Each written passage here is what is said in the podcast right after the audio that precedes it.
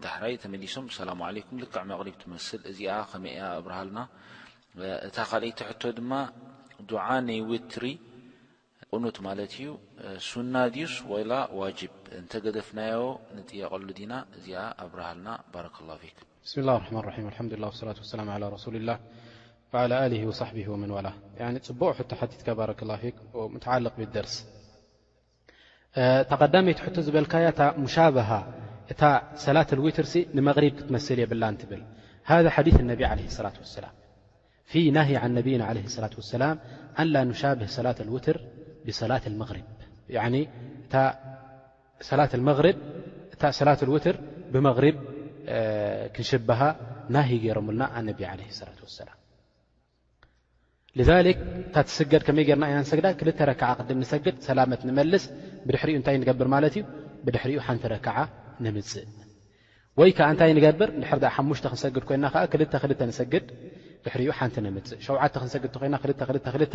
ዳሕራይ ሓንቲ ረክዓ ንሰግድ ከምኡ እንዳ በልና ጠብዓን እቲ ዓይነት ኣሰጋግዳ ምእንቲ ከይነውሓልና ከይነውሓና ኢለ እምበር ምጠቐስናዮ ኔርና ከመይ ከመይ ጌሮም ኣነቢ ዓለይሂ ሰላቱ ወሰላም ከም ዝሰገድዎ ላኪን ለዓለሁ የኩን ለሁ ወቅት ኣኽር እታ ካልኣይቲ ኣዱዓ ዋጅብ ድዩስ ግድን ድዩ ኣነ ክገብር ኣለኒ ኩሉ ማስ ሰላተል ዊትር ሰጊደ ክገብራ ኣለኒ ዶ ወላ የብለይን ድብል ላእ ጠብዓን ዋጅብ ኣይኮነን ኢነማ ሁዋ ሱና እንተ ጌርካዮ ጽቡቅ እንተ ዘይገበርካዮ ከዛሊካ ያኒ ላ ሙኣኸዛ ያኒ ድሕዘካ ሰብ ወላ ሓንቲ የብልካን ወይ ድማ ትውቀሰሉ ነገር ወላ ሓንቲ የብልካን እንተ ደሊኻ ትገብር እንተ ዘይደሊኻ ከኣ ትገድፎ ማለት እዩ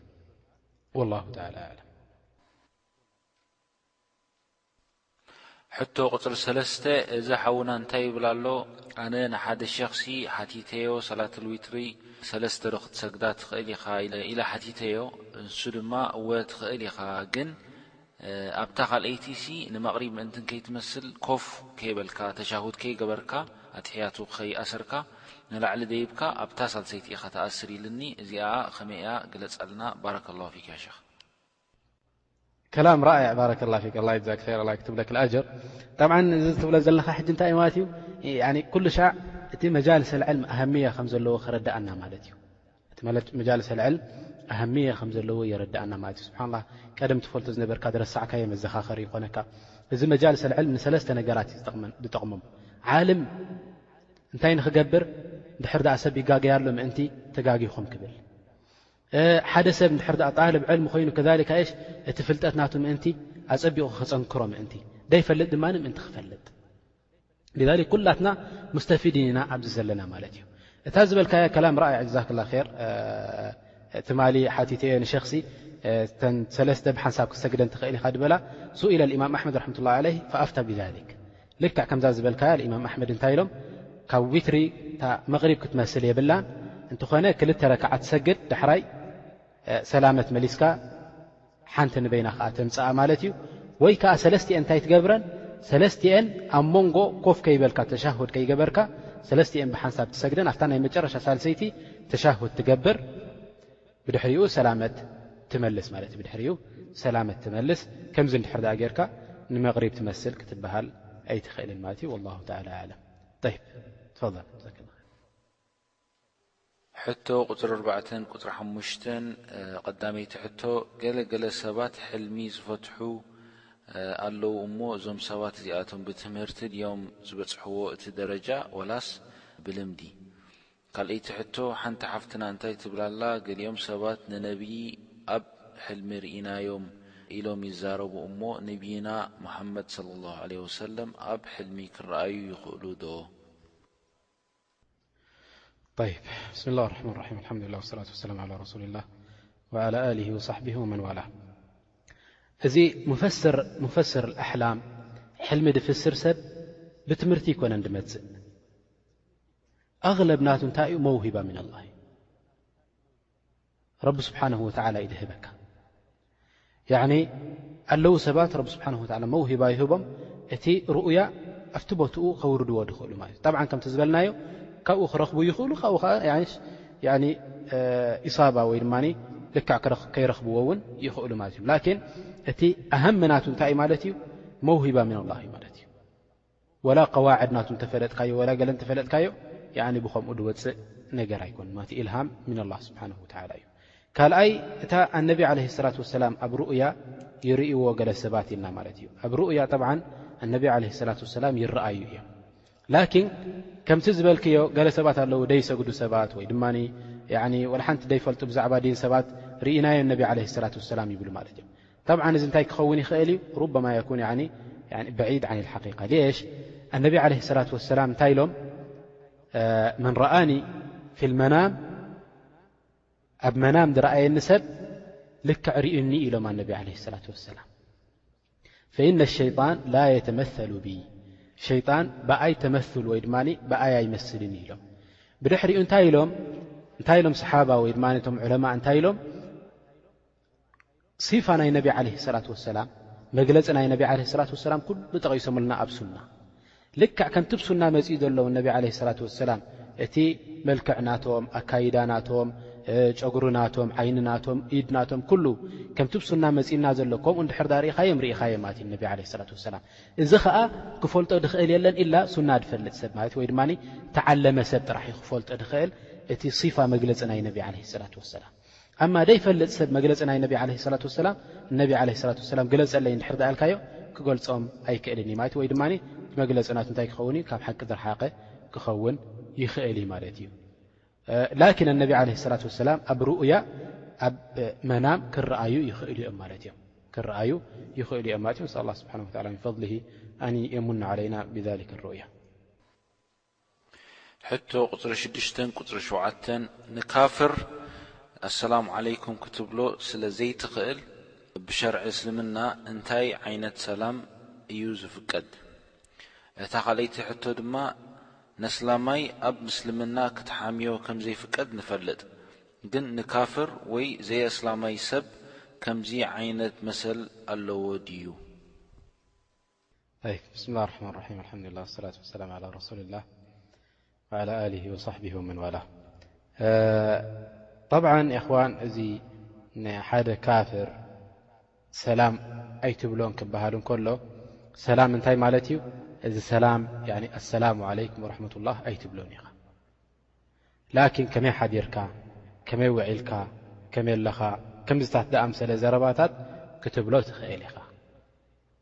ከምዛ ዝኾነ ዘረባ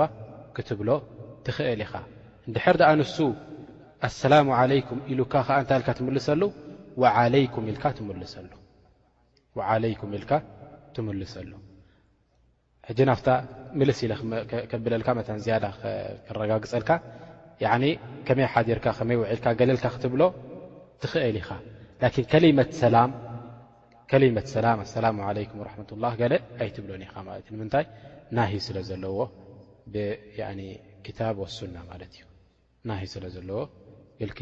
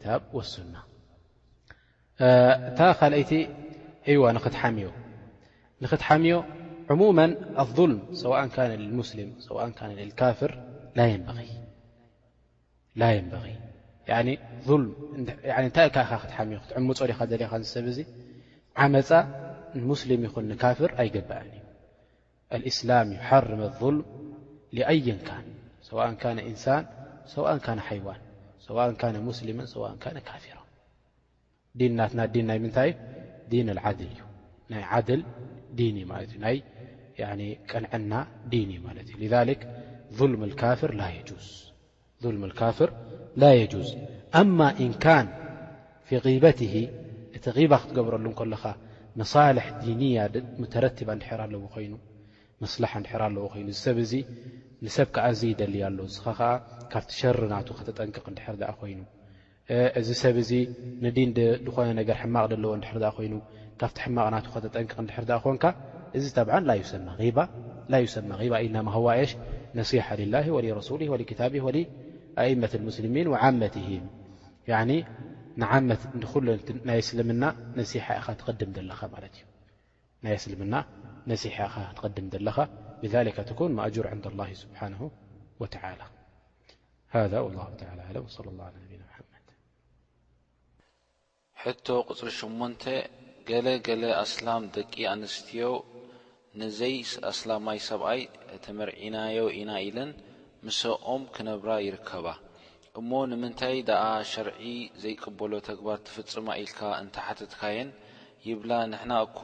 ኣይከፈርናን ከም ሰብና ንሰግድ ንጸውም ኣለና ኢለን ይምልሳልካ ሕጂ እታ ሕቶ ከምዚኤን ዝኣመሰላ ሰባት እንድሕር ሞይተን ኣብ ናይ እስላም ቐብሪ ዶ ይቕበራ ወ ሰላተል ጀናዛ ዶ ይስገደለን? بسم الله الرحمن الرحيم الحمد لله والصلاة والسلام على رسول الله وعلى آله وصحبه ومن والاه والله يا إخوان من الشيء الذي يدمي القلب من الشيء المحزن الذي ما كنا نتوقعه يوما من الأيام يعني حدس يوم من الأيام حسب وديف لنجر أن تتزوج مسلمة مؤمنة بالله وبكتابه وبرسوله تتزوج بواحد من الكفار بعد أن أكرمها الله سبحانه وتعالى بالإيمان هذا شيء عظيم ي يعني شي عظيم شي منكر منكر منكر ي كيف ز سبز بعد الإيمان بالله سبحانه وتعالى نب لمات كتملس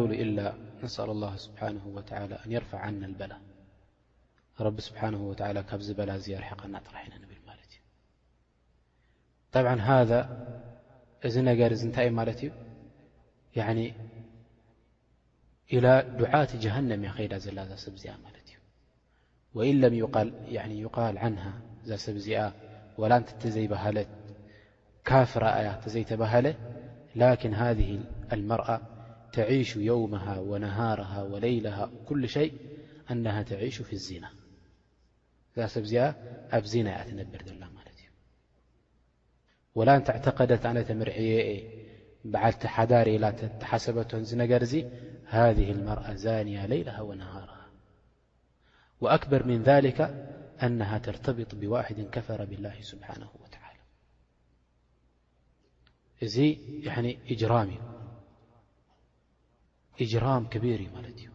لذلك ربنا سبحانه وتعالى قرآن كزاربنا كل ن ل ولا تنكحو المشركات حتى يؤمن ولأمة مؤمنة خير من مشركة ولو أعجبتكم ولا تنكحوا المشركين حتى يؤمنوا ولعبد مؤمن خير من مشرك ولو أعجبكم شعو نت ل كي تمرعو مشركات م سبت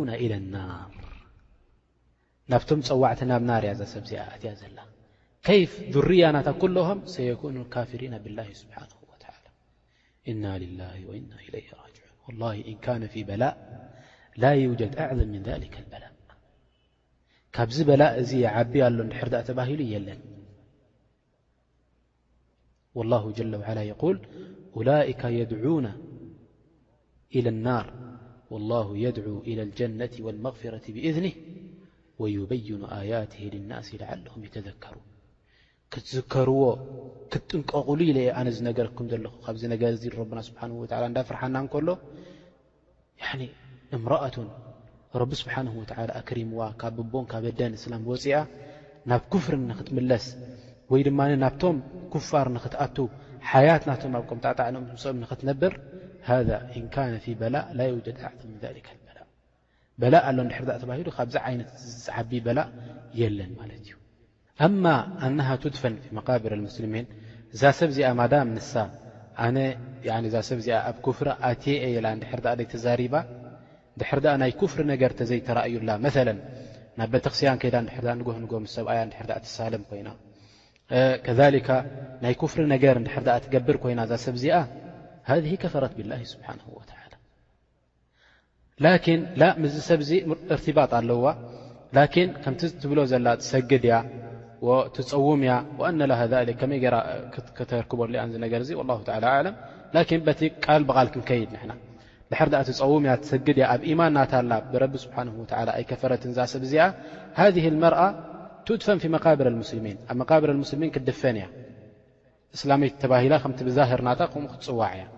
لكن هذه المرأ لا يصل عليها إمام المسلمين እت إمام كሰግደل ي صلاة الجنازة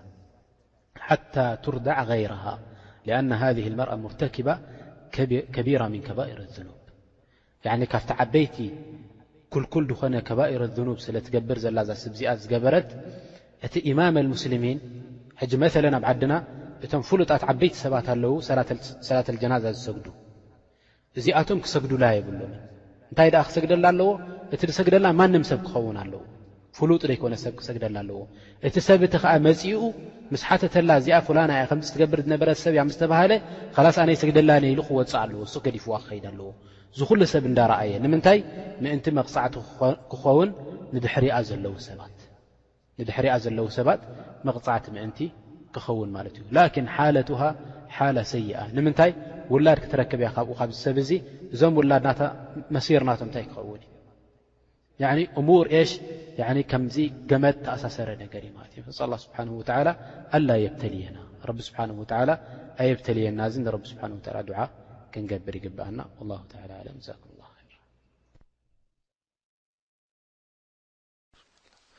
ሕቶ ቁጽሪ ትሽዓተ እዚኣ መቐጸልታ ንይታ ቁጽሪ ሸሞንተ ማለት ኢዩ።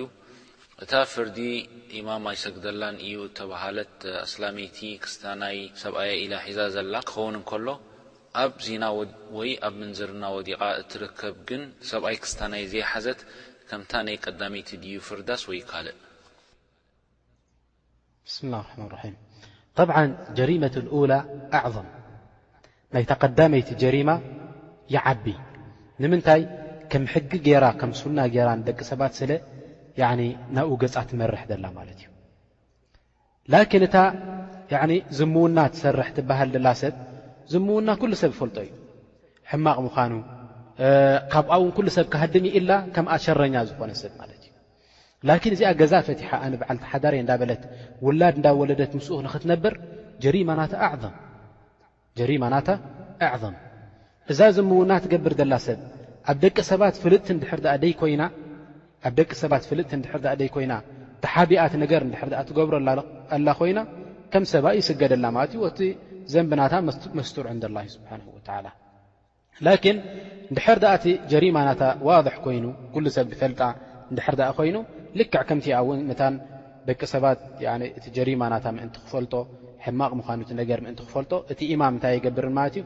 እቲ ኢማም ኣይሰግደላ እንታይ ደኣ ስገዱላ ኢሉ ይኸይድ ላኪን ከነዳርጎ እንከለና ንኽልቲኡ እታ ቀዳመይቲ ጀሪማ ናታ ኣክበር ወኣክበር ከይፈላ ወህያ ኤሽ ያኒ እቲ ዙርያ ናታ ትወልዶ ዘላ ኩሉ ካብ ምንታይ እዩ ካብዞም ኩፋር ማለት እዩ እሞ ከኣ ኣቦ ኣለዎ ተባሂሉ እንዳ ተጠቐሰ ማለት እዩ ያኒ በዓልቲ ሓዳር እንዳበለት ትጥቀስ ዘላ ሰብ ማለት እዩ ኣዩ በዓልቲ ሓዳር እዚኣ ሃይ ያኒ ማለሃ ሓዳር ያኒ ወላ ሓንቲ የብላን እዛ ሰብ እዚኣ ኢነማ ህያ ኤሽ ኢነማ ህያ ዓይሸቱን ፊ ያኒ ታሕተ ከነፊ ልካፍር ፊ ነፍሰ ልወቅት ኤሽ ፊ ነፍሰ ልወቅት ተዝኒ ያኒ ዚና ኩሉ ነገር ሕማቕ ተሰኪማ ዘላ ሰብ ማለት እዩ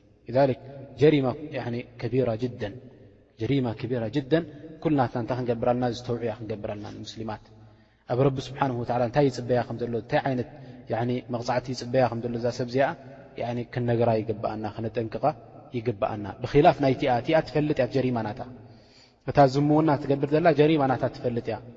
ወዮም ምነል ኣያም ሙምኪን ተተመና እሽ መታ ተቱብ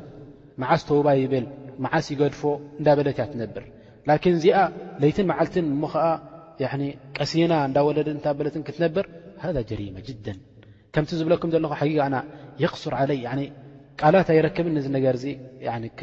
ያኒ ክዛረበሉ ማለት እዩ ፈንሳ ኣላ ስብሓን ወተላ ኣላ